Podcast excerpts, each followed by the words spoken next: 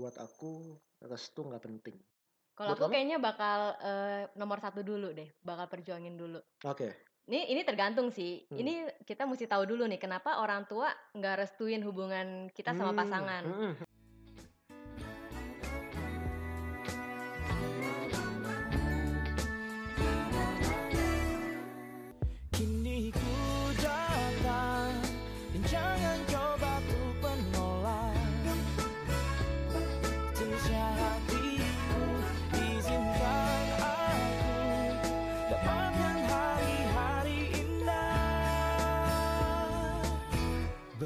Bersamamu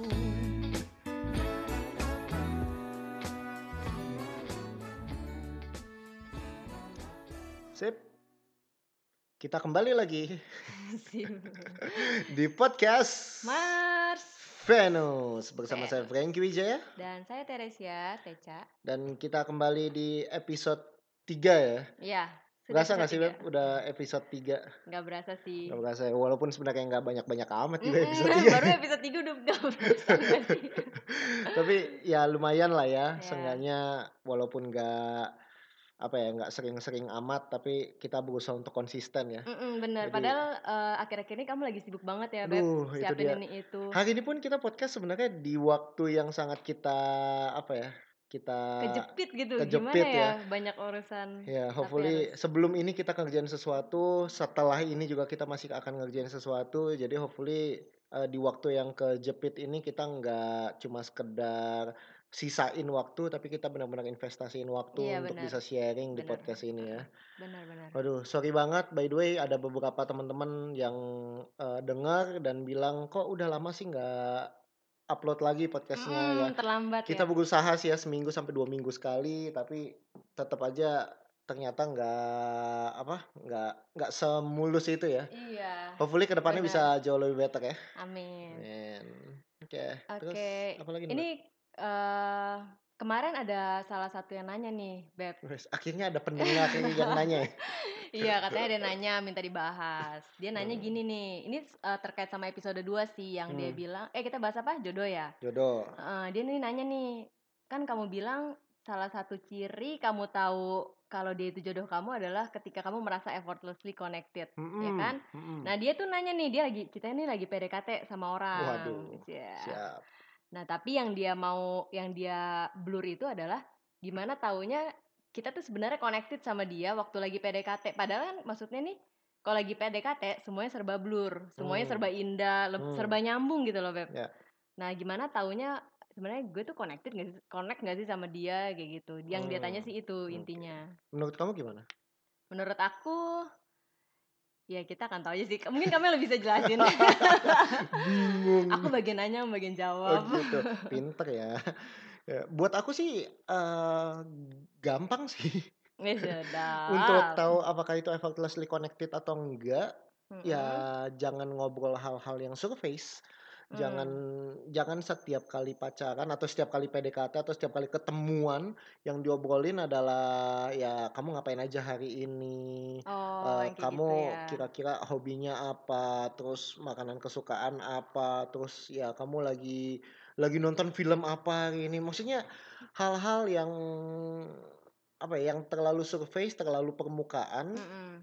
Kalau kayak gitu udah pasti semuanya akan berasa connect. Mm, mm, mm. Udah pasti akan merasa bahwa ada aja bahan obrolan. Kalau yang surface, coba deh kalau emang ternyata mau tahu itu effortlessly connected atau enggak, tanyalah hal-hal yang buat mikir. Hmm, contohnya apa nih, Beb? Contoh, visi kamu apa? Aduh. Masih ya. Dia kabur nanti. Nah, benar maksudnya nggak nggak harus nggak selalu harus visi itu. gitu tapi kayak misalnya apa sih yang kamu lihat misalnya apa ya Hmm. kayak tahun depan rencana kehidupan kamu seperti apa atau emang kamu kerja misalkan kalau lagi kerja nih ketemu di tempat kerja emang kamu rencana kerja di sini berapa tahun Oh. ada planning apa setelah Hmm. itu terus eh, ya intinya hal-hal tentang masa depan kayak eh, keluarga keluarga kamu Hmm. kayak gimana sih boleh diceritain nggak terus kayak ada ada pengalaman buruk apa yang pernah kamu Hmm. apa pernah kamu alamin kamu pacaran udah berapa kali Iya. terus kayak ada ada hal baik apa sih kan nggak pas, pasti nggak semuanya buruk Oh, kan. Nah dia berani nggak ceritain ada hal-hal baik apa, hal-hal Mhm buruk apa, terus ya ada pengalaman-pengalaman apa yang kamu paling Mhm. ngerasa diri kamu takut, Mmm. terus ya kayak 10 tahun ke depan kamu ngelihat diri kamu kayak gimana sih dan lain sebagainya kayak gitu sih. Buat Mhm. aku obrolan-obrolan yang serius dan dalam yang kemudian diobrolin dengan cukup sering yang akan menentukan apakah kemudian kita terkoneksi dengan baik atau enggak sih, effortlessly connected atau enggak sih. Iya iya. Karena kalau ngomong cuma hobinya apa, terus setiap kali setiap kali ketemu hari ini kamu ngapain, ya terkesannya akan punya selalu ada bahan obrolan gitu. Mhm mhm. Tapi ketika tiba-tiba ditanyain, eee, masa depan, kamu ada rencana apa 3 tahun lagi? Terus Dan kemudian gimana? dia bingung, "Ah, udah nggak usah ngomongin ya itu," udah nggak usah gitu ngomongin ya? itu, apalagi kalau ngomongin mantan ya, Iya. "Aduh masa ngomongin lalu apa sih iya masa diungkit?" lalu apa sih diunti diungkit, mungkin ya tergantung cara Iya, kamu benar nanya benar juga benar. sih. Kalau emang ternyata cara kamu nanya adalah untuk mencari tahu lo ngapain aja sama mantan lo, terus gue mau diapain gitu. Eh, buset. Terus ya yang kayak gitu-gitu mungkin akan akan buat, eee, yang ditanya jadi kabur, Mhm. gitu. Ya gitu sih, Beb. Ya, Jadi oke. buat aku effortlessly connected bergantung pada pertanyaan mendalam yang diobrolin, bukan Mmm. pertanyaan permukaan yang setiap hari di di apa, diajukan iya ke iya. salah satu pasangan masing-masing gitu. Oke oke Buat oke. aku itu sih, gitu. Aku setuju. Lagi-lagi setuju. Tapi iya nggak sih, waktu dulu kita apa, PDKT, pe pe perkenalan gitu-gitu, obrolan pasti ada obrolan sehari-hari kan, heeh. gitu. Tapi setiap kali ketemu selalu ada nggak sih obrolan-obrolan yang cukup Ada mendalam? sih, nggak nggak setiap kali ketemu tepatnya. Hmm. Cuman kalau mungkin nggak setiap kali obrolan mendalam, Mhm. tapi ketika ngobrolin mendalam itu udah nggak sungkan kalau buat aku. Jadi udah Ah. nggak ada yang kayak ditutup-tutupin, terus kayak, Mmm. "Ah, males deh dia mulai deh, mulai Mmm. ngomongin yang ini-ini deh," gitu, nggak ada Mmm. begitu. Justru tetap merasa nyaman ke mau di surface atau waktu lagi di pertanyaan yang mendalam itu. Mmm, pertanyaan mendalam apa yang paling kamu ingat? Yang waktu itu sih, yang tentang, eee, keluarga, visi, kayak gitu, Ah. uang, Iya. gitu sih. Itu Oke. cukup, eee, berkesan ya, Iya dan iya pada iya. akhirnya ya berasa berasa bisa diajak ngobrol nih anak Mmm. walaupun, eee, hal-hal yang diobrolin tuh mendalam gitu. Mhm mhm. Oke. Oke, gitu sih ya Itu so sih. far tentang pertanyaannya. Nah. di podcast kali ini kita mau bahas sesuatu yang emang udah di-request sama beberapa orang nih. Iya, banyak sih.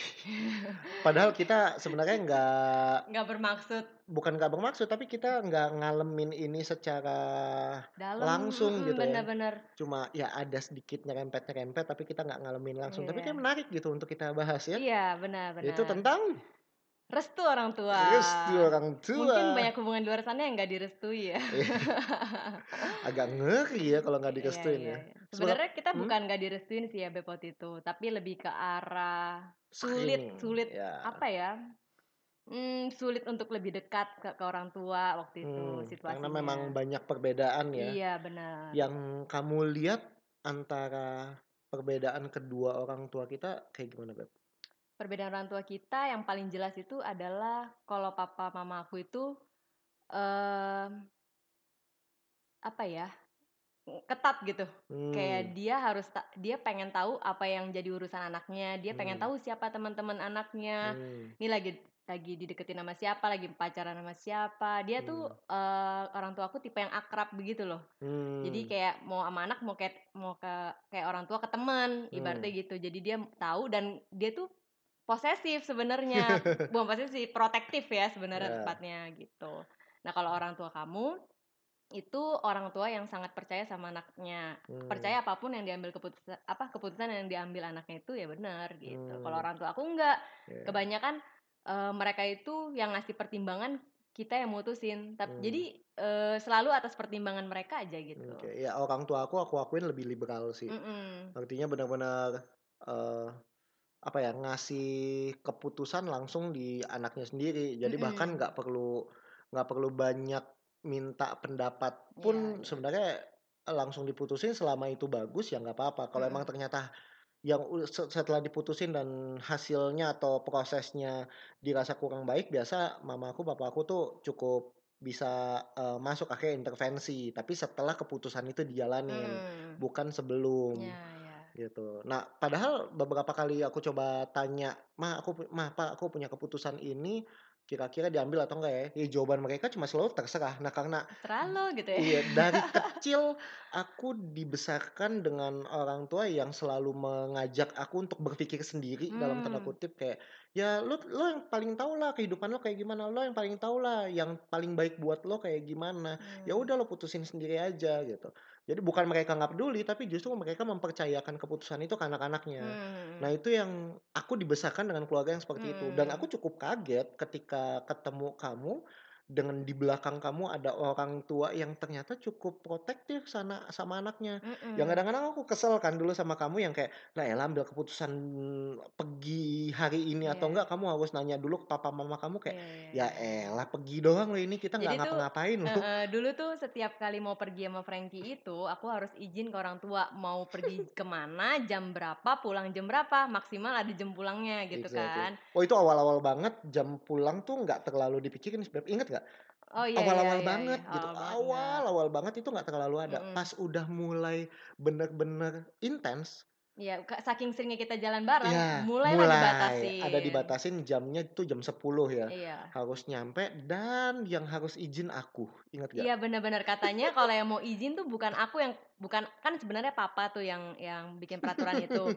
Yang izin Papa itu ya, bukan bukan anaknya, tapi harus, eee, Calonnya. calon mantu yang harus izin. Jadi Mmm. katanya itu adalah sopan santun menurut keluarga aku. Mmm, padahal konteksnya ya, konteksnya waktu Konteksnya. itu adalah kamu tinggal di sebuah tempat di Jakarta yang Mhm. which is itu sebenarnya bukan rumah kamu, karena rumah Mmm. papa mama kamu kan sebenarnya di Cikarang, Mhm. sedangkan kamu kerja di Jakarta yang nggak memungkinkan untuk pulang pa Iya. pulang pergi Cikarang, mhm. Jakarta, kamu memutuskan untuk ada di salah satu tempat yang kayak dormitory lah ya, Iya iya, kayak ada mhm. ada isinya beberapa orang yang memang kamu kenal, Yes. papa mama kamu juga kenal, tapi, eee, apa ya, aku jemput segala macam tuh di Mhm, situ gitu. mhm mhm. Nah, buat aku pribadi, kok perlu izin di saat aku ngajak kamu, eee, apa, jemput kamu di tempat itu, papa mama kamu nggak ada di situ. Beda kalau rumah loh, Mhm beda kalau rumah aku harus datang ke rumah kamu, ya iyalah daripada langsung jemput mendingan masuk dulu, "Om, Mhm. tante, Bawa eee, martabak. bawa martabak."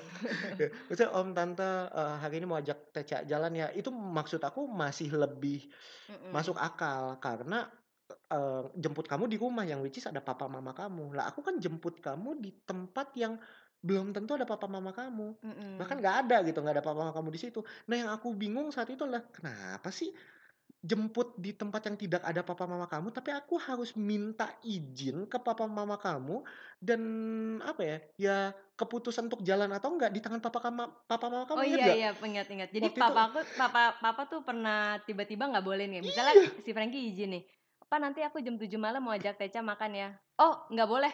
Ya udah nggak nggak jalan berarti kita. Exactly. Nah, buat banget. itu buat buat buat aku tuh saat itu tuh, ya aku kesel sama kamunya sih, lebih bukan sama Mmm. kamu, sama kondisi itu lebih ke arah kayak, kenapa jadi gua mau pa gue pendekatan sama bocah sih, yang kayaknya mau ajak jalan, bapaknya nggak kasih, kayak okelah kalau anak SMA, anak kuliahan gitu, ini udah kerja, kamu bahkan udah bisa ambil keputusan sendiri, tapi, Mmm.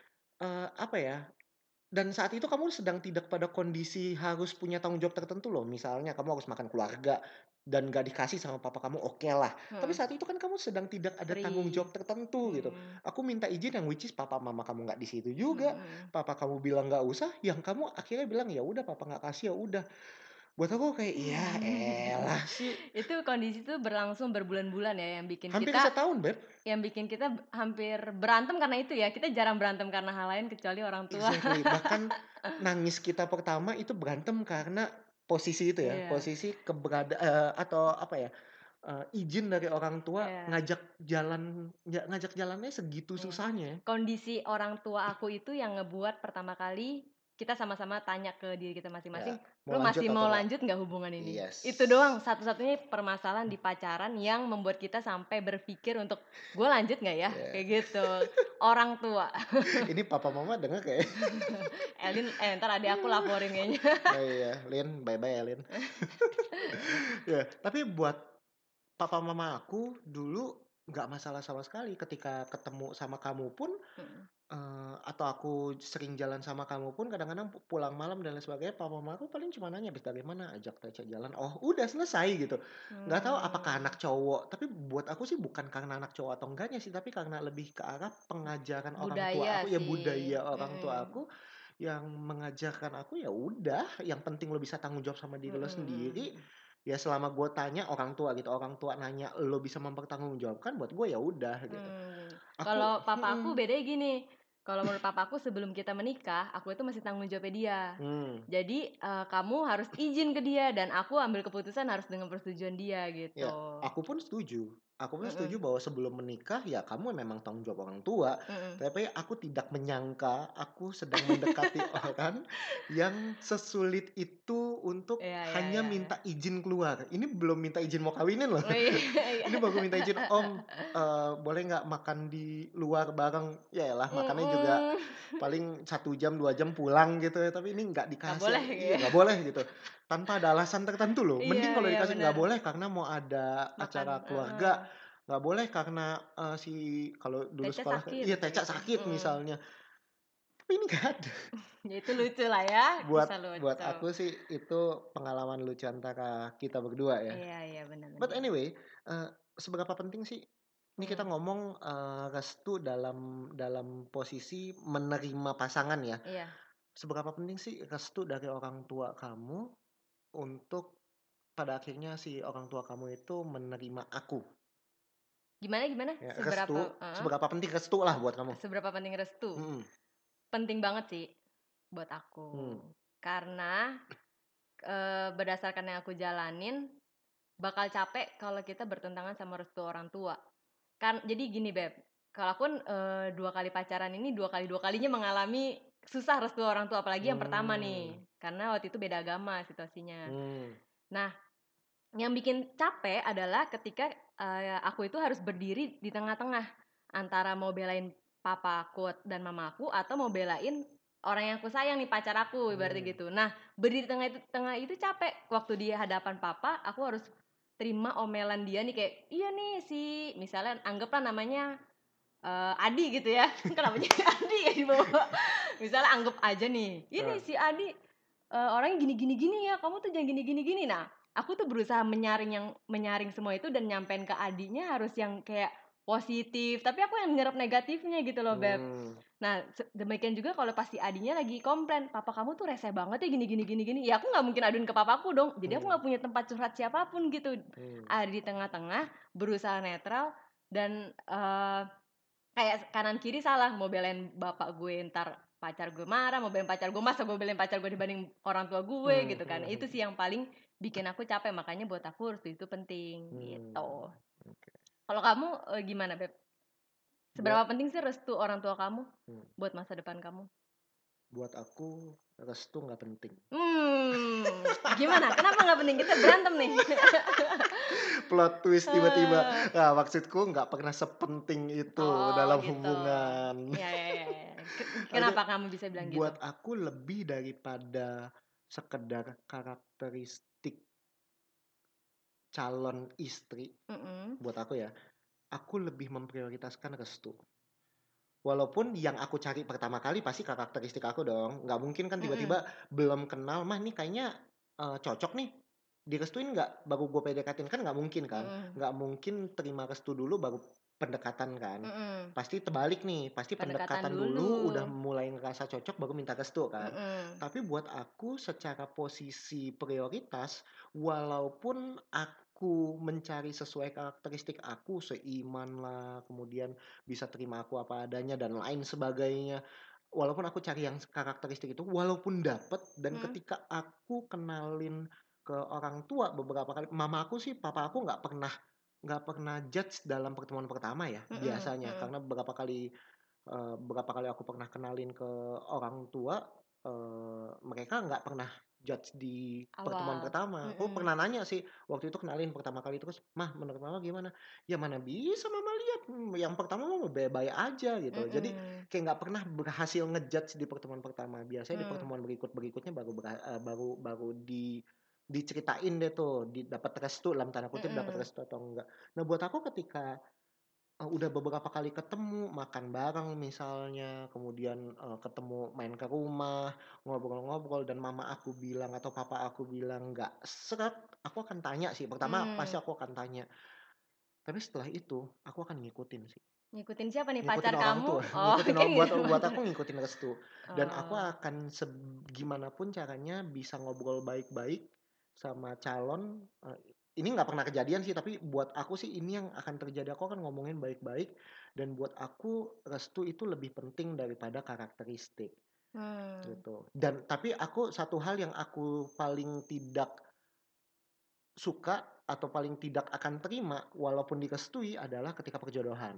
Dari dulu aku bilang sama mama aku, aku nggak mau dijodohin. Mmm. Walaupun akhir dijodohin kan udah pasti direstuin ya. Iya. Tapi kalau emang ternyata restu diberikan ketika perjodohan, aku nggak mau. Karena Mmm. buat aku itu aku nggak cari sendiri dan aku belum tentu itu sesuai sama karakteristik aku. Jadi walaupun restu di atas segalanya, aku tidak menganggap restu itu di atas perjodohan gitu. Mhm. Aku mau restu diberikan dari pilihan aku. Mmm. Buat aku sepenting itu restu. Seandainya nih Beb, nggak Mmm. direstuin, kamu akan berjuang dulu apa langsung terima mentah-mentah apa yang apa yang orang tua kamu bilang? Oh enggak, pasti aku akan berjuang dulu. Cuma kalau pada akhirnya, eee, tidak direstuin Mhm. buat aku lebih baik enggak. Oh gitu. Ini banyak pengalaman teman-teman aku nih Beb ya. Mhm. Mereka udah berjuang nih, tapi mereka masalahnya nggak tahu harus berjuang sampai kapan. Ngerti nggak sih? Kan kayak, ayolah kita Mmm. berjuang sedikit lagi, sedikit lagi, kali aja sebentar lagi direstuin. Nah, pertanyaannya mau berjuangnya sampai kapan? Sampai akhirnya lo berani mutusin, enggak deh kali ini bener-bener enggak gitu. Itu dari pengalaman yang biasa curhat-curhat gitu loh. Mmm. Gitu. Berjuang sampai kapan? Mhm. Berjuang sampai kamu kuat, sampai sekuat kamu. Mmm. pada akhirnya gini, eee, banyak orang kata-kata berjuang itu selalu identik dengan waktu. Ayolah berjuang sedikit lagi, sedikit Iya lagi, iya iya. sedikit lagi. Tapi nggak tahu sampai kapan Nggak tahu masalahnya. sampai kapan. Kalau Mhm. memang buat aku ya, eee, berjuang sampai sampai, eee, titik tenaga terkuat kamu selama kamu mau berjuang. As a akhirnya jangan gini, yang aku tidak setuju adalah mengambil keputusan heroik. Apa tuh Mengambil maksudnya? keputusan terlalu ekstrim. Udahlah nggak direstuin, udahlah kita, eee, nikah siri atau nikah nikah di Kawin belakang tangan, lari. kawin lari dan Mmm. lain sebagainya. Buat aku itu tindakan heroik tuh, terlalu ekstrim. Nah, aku nggak Mmm. setuju untuk untuk melakukan hal itu. Tapi Iya. kalau berjuang sampai kapan? Berjuang sampai sekuat kamu. Kalau kamu masih mau berjuang. Kan pada akhirnya gini, berjuang identik dengan waktu. Mhm. Kalau kamu berjuang sama si satu orang itu dan mama atau orang tua kamu bilang bahwa, "Enggak enggak enggak, pokoknya sampai kapan pun papa atau mama bilang enggak ya." Terus kayak kamu bilang sama pasangan kamu, "Ayo kita berjuang lagi berjuang lagi." Nggak masalah buat aku. Mhm. Artinya kamu tidak berusaha me apa ya, menjadi anak durhaka di orang tua kamu, ya. Mhm. Kamu bilang, "Ma, kasih waktu, Pa, kasih waktu." Dan satu sisi kamu tetap mempertahankan hubungan. Buat aku itu baik. Mhm. Cuma yang menjadi pertanyaan adalah sampai berapa kuat kamu ngelakuin itu. Mhm. Karena waktunya kamu untuk mempertahankan, Mhm. ya, sebenarnya bisa dipakai untuk mencari yang lebih baik. Iya sih, bener. Iya kan? Selalu identik dengan waktu. Kalau misalnya nih umur umur kamu, eee, kamu married pengen misalnya umur 25 misalnya ya, Mhm. dan akhirnya umur 24 sampai 24 kamu nggak direstuin. Sampai umur 25 kamu juga nggak direstuin. Padahal kamu bilang, "Aduh sebenarnya gue pengen married umur 25 tapi nggak direstuin, gimana ya?" Pilihan kamu kan cuma 2, antara sudahin, Mhm. ya 3 berarti ya, antara sudahin, 2 ngikut orang tua, ya artinya, "Ya udahlah gue cari yang baru." 3 memilih tindakan heroik. Mmm. Kawin lari. Cuma 3 itu pilihannya, Mhm. ya kan? Nah, setiap 3 keputusan, setiap ya setiap ke keputusan dari 3 pilihan itu, tiga-tiga punya konsekuensi. Iya. Konsekuensi mana yang kamu berani bayar, gitu. Kalau kamu Mmm. mau tetap, eee, berjuang untuk membuktikan sama orang tua, bisa nggak? Aku punya banyak teman-teman yang akhirnya berhasil membuktikan dan akhirnya orang tuanya luluh. Mhm, Karena benar. ngerasa bahwa, oh ternyata calon calon apa, suami atau calon istri dari anak gua ini nggak sejelek yang gue pikirin ya. Ada nggak? Mm-mm. Ada, Mm-mm. ada banget gitu. Mm-mm, mm-mm. Artinya si anaknya itu berhasil membuktikan bahwa pasangannya itu tidak seburuk yang dipikirkan orang tuanya. Mm-mm. Tapi konsekuensinya adalah waktunya panjang, Iya, berdarah-darah juga. berdarah-darah juga gitu. Yang kedua, ambil keputusan kedua ngikutin orang tua, ya konsekuensinya adalah kamu harus mulai lagi dari awal untuk menemukan pasangan yang baru lagi dan kamu harus ambil waktu lagi untuk healing hati kamu Benar. eh, supaya benar-benar bisa sembuh dan akhirnya bisa bisa cari yang buat kamu baik mungkin sama baiknya tapi yang lebih baiknya apa lebih baiknya bisa diterima sama orang tua kamu Mm-mm. tapi tetap kamu yang cari gitu karena buat aku jodoh belum tentu cocok nih menurut aku ya Iya. jodoh belum tentu cocok jodoh eh jodoh lagi apa di, dijodohin Oh belum tentu dijodohin. cocok Heeh. tapi bisa nggak dijodohin cocok bisa juga gitu Mm-mm. makanya eh, ya cari kemungkinan-kemungkinan tersebut Mm. atau yang ketiga misalnya lari kawin lari konsekuensinya apa kamu putus hubungan sama keluarga Mm-mm. atau paksa nikah walaupun tidak dapat restu sama orang tua ya konsekuensinya adalah kamu hidup hidup eh, dalam pernikahan dengan dengan posisi hubungannya ketek sama keluarga besar kamu buat aku ya Iya. itu konsekuensi yang harus kamu terima nah dari tiga keputusan ini pilihan mana yang kamu mau Semuanya pilih ada nggak enaknya sih semua ya. ada nggak enaknya tapi kalau aku Mm-mm. lebih baik ambil keputusan kedua Oh gitu. kalau aku berusaha daripada gini, aku punya timeline waktu nih, aku nggak pengen merit uh, lebih dari 30 misalnya. Mm-mm. Aku udah 29 dan aku sesayang apa pun, aku akan ngomong sih bahwa ya kamu juga Mm-mm. punya waktu yang jadi deadline gitu.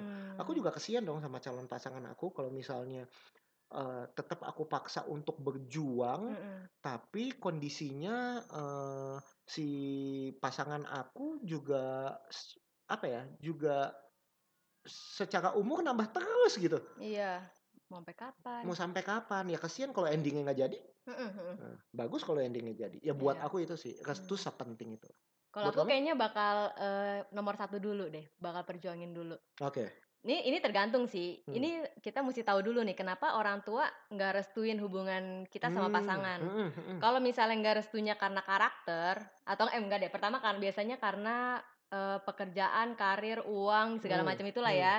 Nah itu menurut aku aku akan perjuangin. Hmm, Kalau misalnya di- orang tua aku bilang dia tapi belum punya apa-apa, eh, kerjaannya masih kayak begitu, hmm, malah tinggian kamu gajinya, kamu Hmm. nggak mau nggak begitu. Nah kalau yang kayak gitu aku bakal perjuangin. setuju Aku akan ya maksudnya kita har- aku akan tanya juga ke pasangan aku kamu mau berani nggak untuk lebih kerja keras lagi Yes. membuktikan uh, bahwa kamu tuh bisa lebih dari ini gitu. nah itu adalah obrolan-obrolan dalam tuh yang tadi di awal kita bahas oh tuh gitu. ya kan bahwa kalau obrolan itu aja terus kemudian udah nggak ada titik temu atau ngobrolnya juga gagap kayak aduh gue bingung nih mau jawab apa Heeh. udahlah ngobrolin hal yang lain aja itu nggak bisa lagi iya. effortlessly connected tuh Benar benar benar. lanjut lanjut Ya itu sih. Kalau yang tipenya begitu cuman karena uang, karir itu aku perjuangin. Hmm. Kalau pasangan aku mau berjuang. Kalau pasangan aku juga males-malesan dan Hmm. gak ada effort ya berarti kita mesti mikirin tuh janjian orang tua gue bener nih gitu. Hmm, ya. Nah yang kedua kalau misalnya nggak direstuin karena beda suku atau beda agama. Hmm, Beda suku udah nggak bisa diubah. Ini hmm, misalnya nih contoh aja adik aku. Adik aku itu pernah deket sama orang yang beda suku dan Mm-mm. mama aku nggak mau suku itu. hmm. Itu sebenarnya budaya masing-masing sih. Ada yang kayak eh, lebih kayak nggak apa-apa lah yang penting sama-sama baik. Ini Ya. kalau ma- papa mamaku nggak, mereka Hmm. masih main, masih main kayak gitu. Hmm.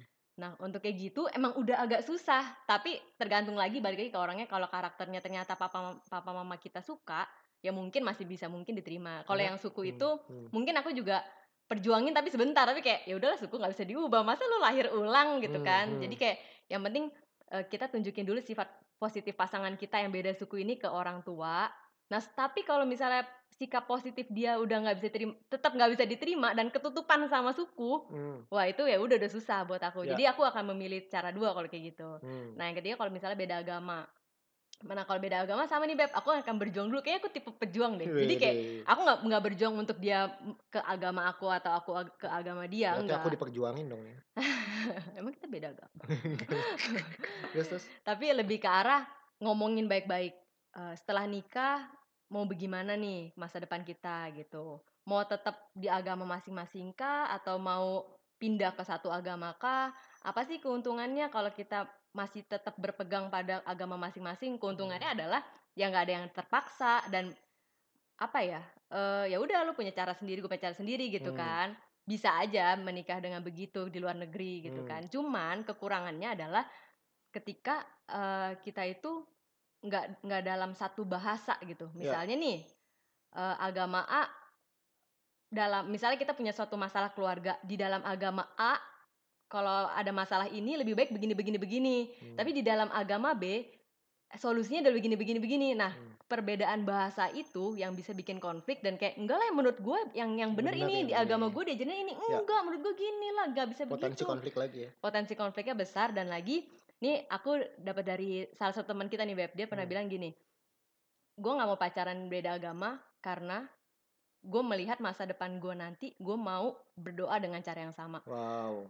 Gitu antara dia gue mau sholat dengan sholat bersama atau Hmm. berdoa bersama kalau Hmm. misalnya gue berdoa aja sendiri sendiri itu nggak ada di impian gue gitu oke. Balik lagi ke gambaran apa yang dia mau bentuk atas iya. keluarganya dia Heeh, nanti heeh. ya. Jadi sebenarnya kalau perbedaan agama juga diomongin mau gimana dan kalau emang nggak ada yang bisa ngalah atau solusi yang diberikan nggak bisa diterima ya Hmm. udah berarti emang harus bubar jalan gitu kan mau Hmm. gimana gitu kalau karena agama keyakinan masing-masing nggak bisa dipaksain juga gitu Tapi aku setuju sih mengenai eh, fight terlebih dahulu.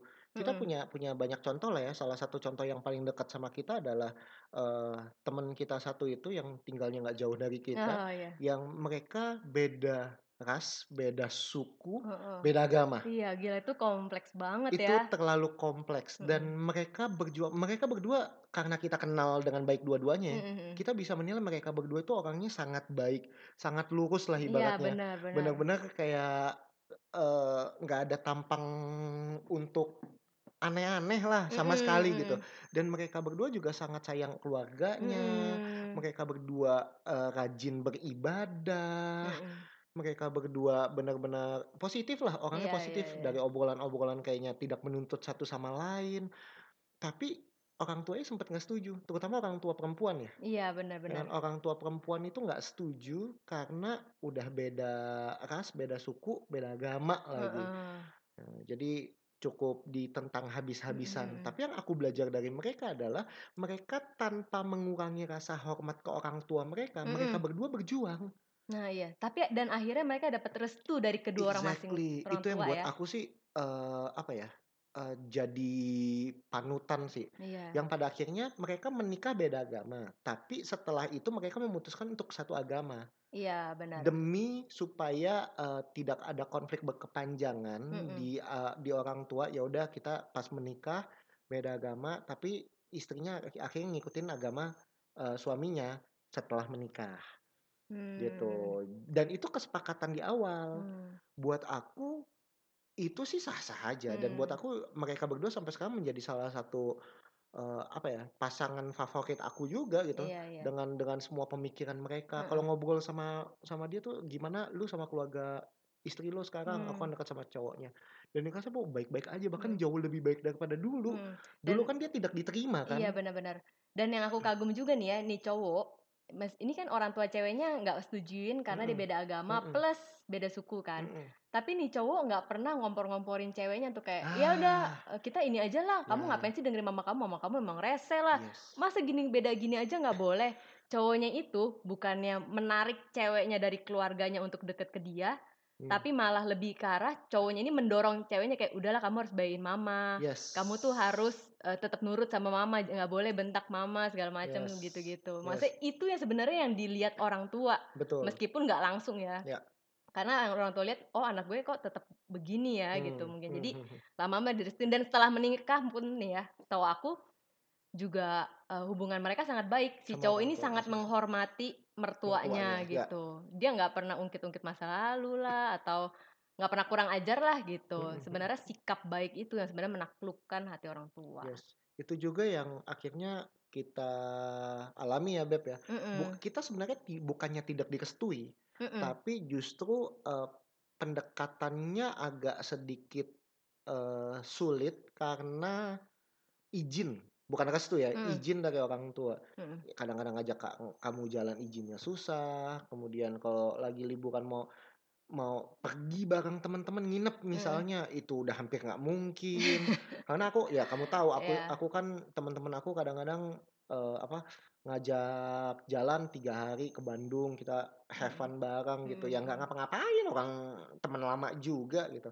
Terus karena papa mama kamu nggak terbiasa dengan anaknya nginep berhari-hari tanpa ada mereka itu yang kemudian tidak diizinin ya buat aku sah-sah aja tapi kayak ya gue pengen semakin kenal lu karena buat aku gini aku punya sahabat dan aku bisa jadi sahabat sama dia karena ada nginep-nginepan Beb. Hmm. ya ses- sesama cowok sih ini ya nginep-nginepan nginep itu buat aku tuh Mempererat. mempererat ya tapi nginep yang benar ya gitu nggak cuma Eh. berdua do doang gitu tapi ini aku jalan sama teman-teman aku aku pengen ngajak kamu juga lebih ke arah aku pengen pengen apa ya pengen kenal kamu tuh dalam tanda kutip 24 jam Hmm. dari kamu bangun tidur kamu orangnya kayak gimana sih bersih bersih nggak sih atau sebelum tidur apa yang kamu lakukan sih itu kan aku nggak pernah lihat dari kamu sepanjang PDKT atau pacaran kan Mm-mm. karena kan kita nggak pernah serumah kita nggak Mm-mm. pernah eh, apa eh, dalam satu atap bareng gitu jadi kan nggak ngerti kayak ya kehidupan malamnya atau pagi bangetnya itu gimana gitu Mm-mm.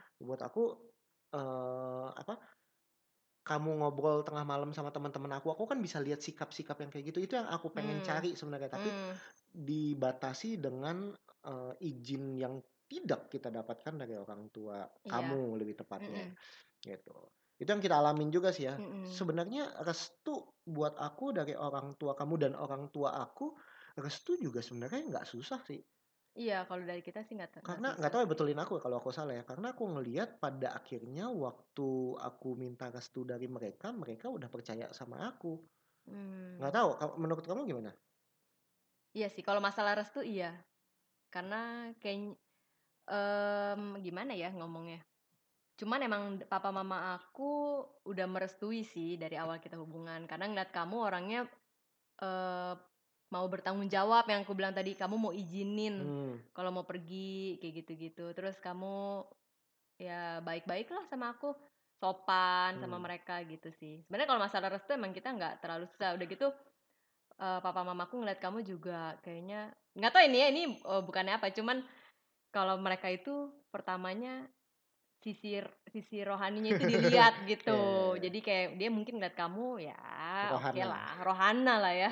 Karena Gitu sih. Iya. Untuk masalah restu kita nggak gitu susah, cuma masalah izin. izin di awal-awal ya membuat kita pada akhirnya hubungan kita banyak berantem karena masalah itu ya Mm-mm-mm. Ya Uh, sih. sensi banget itu tiap kita hari. tiga tahun pacaran kalau nggak salah sampai tahun kedua berantem terbesar kita juga masalah orang tua kan ya Mm-mm-mm. bukan masalah keuangan bukan masalah pekerjaan bukan Mm-mm. Bukan jelas-jelasan. jelas-jelasan tapi justru masalah izin dari si orang tua Iya, itu kayak kesel beda budaya iya, gitu. udah udah dua tahun kok budaya masih begini kok Iya. aku sejujurnya dulu aku merasa kok gue masih belum dipercaya ya Oh. kayak kok masih mengekang sebegitunya ya padahal kamu punya kehidupan kamu yang bisa Hmm. kamu pertanggungjawabkan Hmm. buat Hmm. aku kayak gitu tapi ya aku harus submit Mm-mm. Nah, papa aku itu mulai agak lenggang ngasih izinnya ketika kamu udah propose aku. hmm gitu karena menurut papaku oh ini berarti pa- pasti nikah menurut dia pasti nikah gitu jadi kayak nggak dimain-mainin anaknya ya ya, gitu sih ya. menarik sih Eh, Mm-mm. kalau ya puji Tuhannya kita nggak ini ya nggak nggak ada banyak PR di bagian restu Mm-mm. tapi kalau emang ternyata nih Mm-mm. restu itu susah didapetin Hmm. Kayak beberapa teman kita kan eh, ngalamin itu Mm-mm. apa yang harus dilakukan sebenarnya gimana caranya baik-baikin orang tua atau memastikan ke orang tua Oh, bahwa tips and trick nih ya ya kamu eh, pantas untuk dapetin dia Em, kalau aku sih ya nih kalau aku nggak direstuin sama mama orang tua kamu Hmm. mungkin aku akan lebih sering main ke rumah kamu. Terus dibenci. Makin dibenci. Nyusahin ya anak katanya. Tapi seenggaknya eh, semakin ketemu mungkin semakin sayang. Hmm. karena karena buat aku lo harus tahu nih gimana gue emang beneran serius sama anak lo. Hmm. terus ya emang gue beneran sayang. Dan eh, maksudnya jangan lihat kadang-kadang nih orang tuh yang bikin gak setuju ke- ketika melihat penampilan luar doang sih kayak ini cewek terlalu inilah gitu. Tapi kan dia belum Hmm. tahu dalamnya. Nah mungkin dengan sering ketemu itu ngobrol ngajak ng- ngajak makan ngajak jalan bareng itu Hmm. bisa lebih meluluhkan sih. Bawain Hmm. martabak ya katanya. Selalu martabak. Ya, ya, ya, benar-benar. Aku setuju karena buat aku trik yang aku lakukan dan menurut aku ini eh, berhasil di beberapa kali kesempatan Hmm, adalah berhasil. beraniin diri untuk ngobrolin eh, secara luas dan leluasa sama orang tua pasangan. Hmm, Artinya gini, ketika datang ke rumah misalnya hmm, atau atau ketemu sama hmm. orang tua, jangan malah cuma sekedar formalitas gitu kayak om tante apa Oh kabar? ya, habis ngapain om? Oh ya om. Terus abis itu udah terus ngobrol sama ceweknya iya. atau cowoknya gitu. Buat aku kayak ya itu formalitas doang. Mm-mm. padahal ya orang tua ada di situ atau kalau misalnya lagi makan malam bareng gitu. Buat aku di kondisi kayak gitu kondisi di mana kita bisa banyak nanya Hmm, dan kita bisa banyak ngobrol gitu dan mm-mm, ngobrol hanya bisa terjadi ketika kita bertanya mm-mm. kadang-kadang ya jangan jangan apa ya jangan nunggu kita ditanya gitu Iya, kadang-kadang kita karena merasa lebih muda, itu Mm-mm. adalah kewajiban yang lebih tua untuk yang nanya yang muda. ya Padahal yang namanya orang tua sama calon mantu itu beda ceritanya. Di mana-mana kita yang harus lebih menghormati mereka dengan ajak ngobrol. Iya, kadang-kadang ya yang simpel-simpel aja. Banyak orang bilang gue bingung mau ngobrol apa ya. Mm-mm. Tanyain aja kayak misalnya Teca di rumah kayak gimana Om? Saya kan nggak pernah lihat Teca di Nah, rumah. itu Kayak, panjang tuh nah biasanya yang kayak gitu-gitu kan biasa kan Mm-mm. diceritain kan.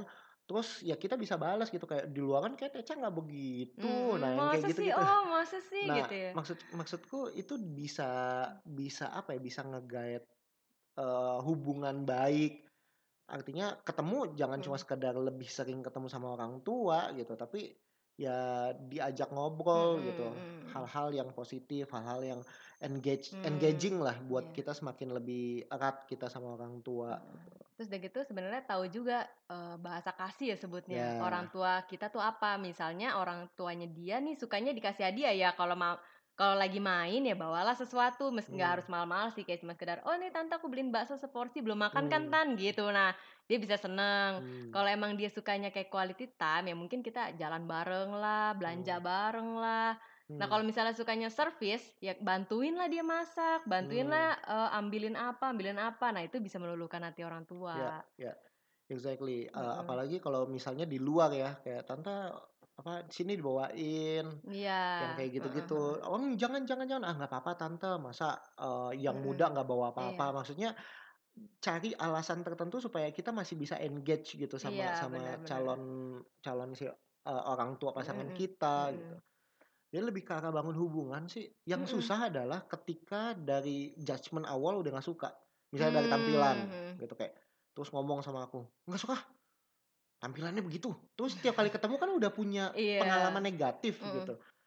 Itu buat aku akan lebih susah tapi masih bisa nggak bisa. Mm-mm, tinggal buktiin diri.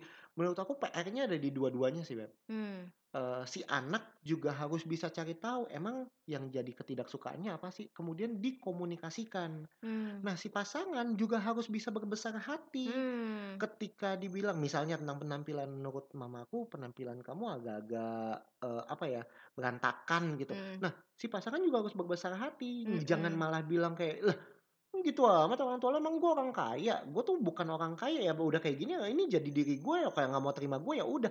Ya kalau udah Mm-mm. responnya kayak gitu ya udah.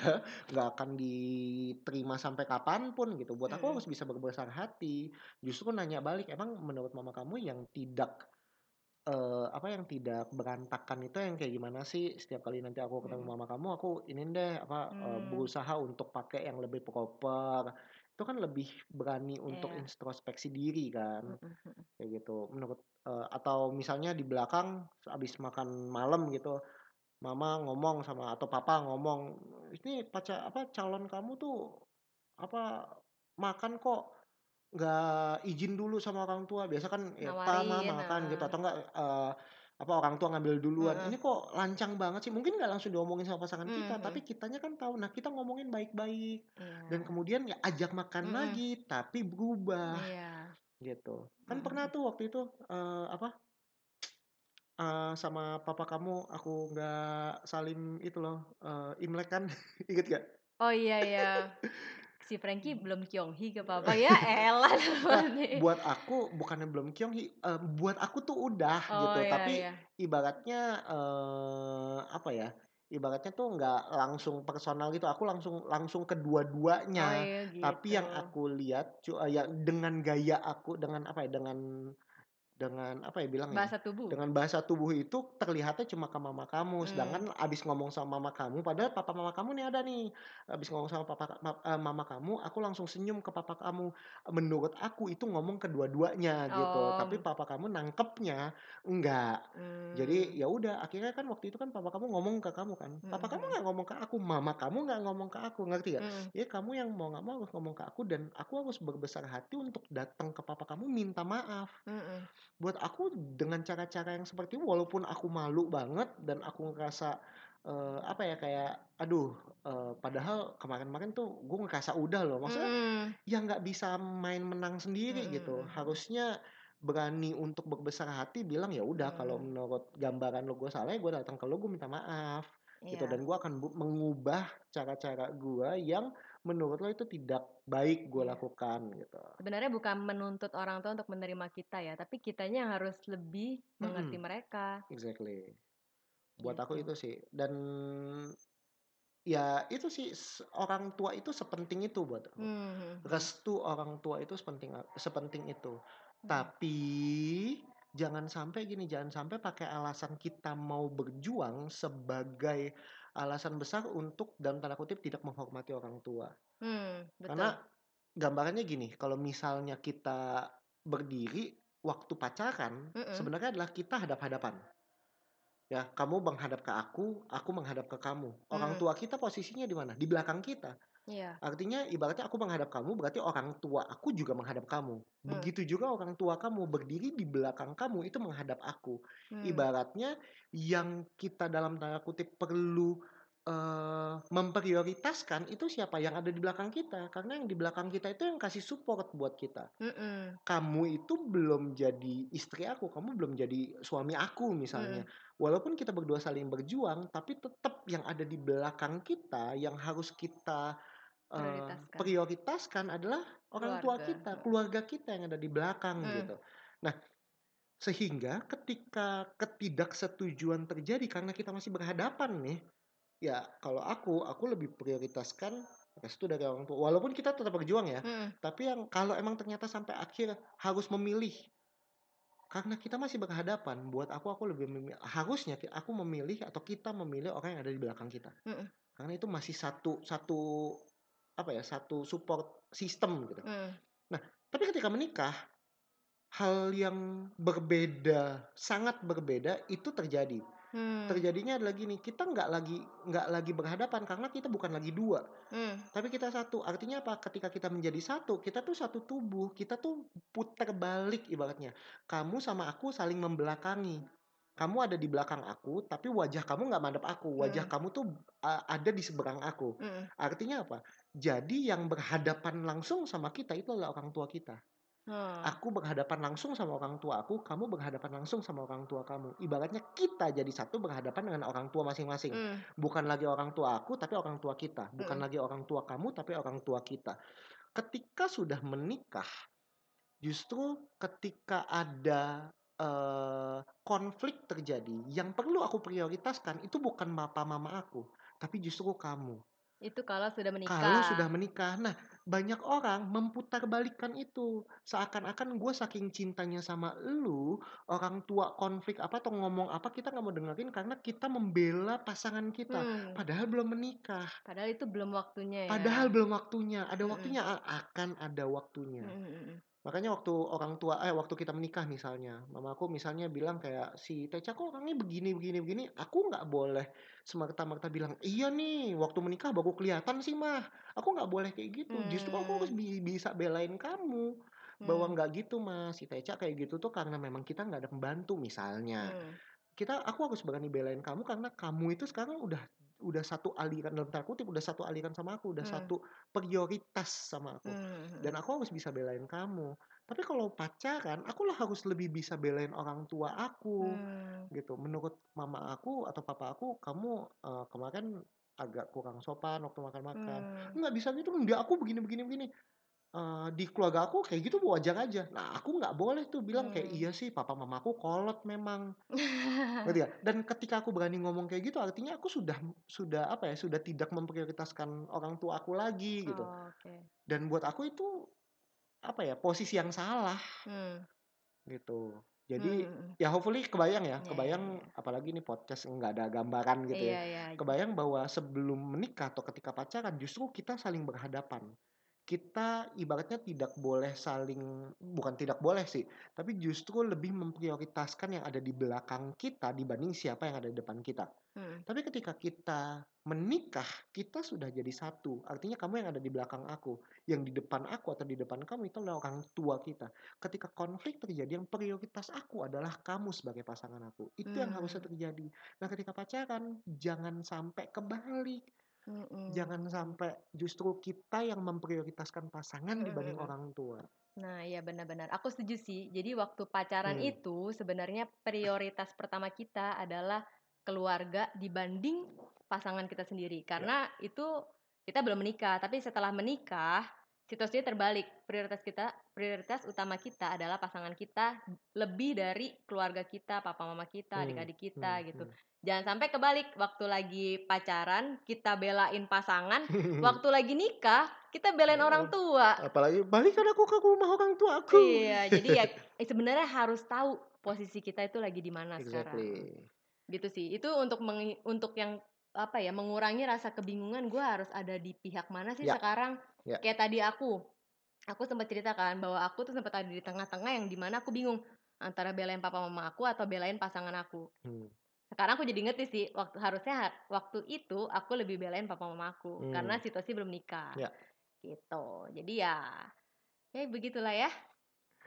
Harus tahu Menarik ya. posisi. Ya. Mm-mm. ngomongin restu ngomongin orang tua ya pasti akan banyak cerita ini hanya perspektif dari kita Iya, ya benar. belum tentu bisa diseragamkan ke semua Mm-mm, apa ke Semua semua orang. orang semua situasi tapi seenggaknya kalau dari pandangan kita seperti itu ya Mm-mm.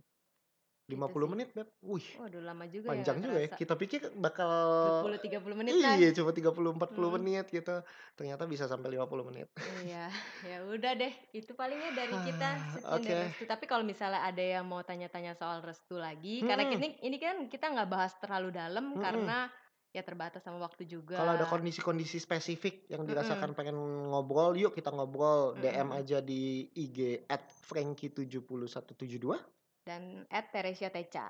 untuk kita bisa ngobrol lebih banyak lagi ya dan lebih Iya, iya. spesifik gitu. Iya, lebih spesifik. Ini gar- gambaran garis besar aja. Oke, sekian. Oke, sekian. kita mau lanjut bekerja, bukan bekerja sih ya. Iya, kegiatan lain. kegiatan lain. Oke, Iya. thank you very much dan kita kembali di podcast berikutnya. Iya, Udah tahu podcast berikutnya mau apa? Nggak tahu lihat Nah. nanti. Request ya request ya. Kalau Iya, iya, emang iya, iya. mau eh, coba request nanti mungkin kita bisa pertimbangin. Oke, betul betul. See you See you. on the next bye. podcast. Bye.